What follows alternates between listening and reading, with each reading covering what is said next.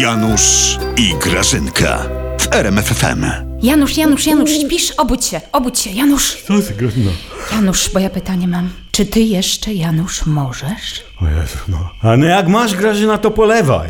Janusz, no tu o misję chodzi. O seks misję, Janusz. Wiesz, co Owsiak powiedział Pawłowicz naszej Krysi? On powiedział, niech pani spróbuje seksu.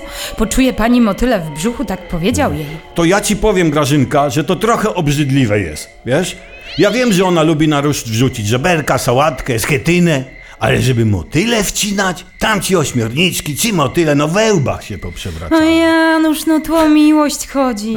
Tu chodzi o to, żeby ją ktoś tak chwycił mocno, wiesz, spojrzał w te sarnie oczy piękne, ale to tak by tchu jej zabrakło. I powiedział coś do niej tak, wiesz, no, kochu, kochu, Krysia. Wiesz co, Grażyna, no żeby tak tę posłankę obezwładnić, to musieliby nasłać na nią antyterrorystę, Oj, wiesz? może być antyterrorysta, ona by mu wtedy powiedziała, o mój rozmarynie, rozwijaj mnie, a on by jej powiedział...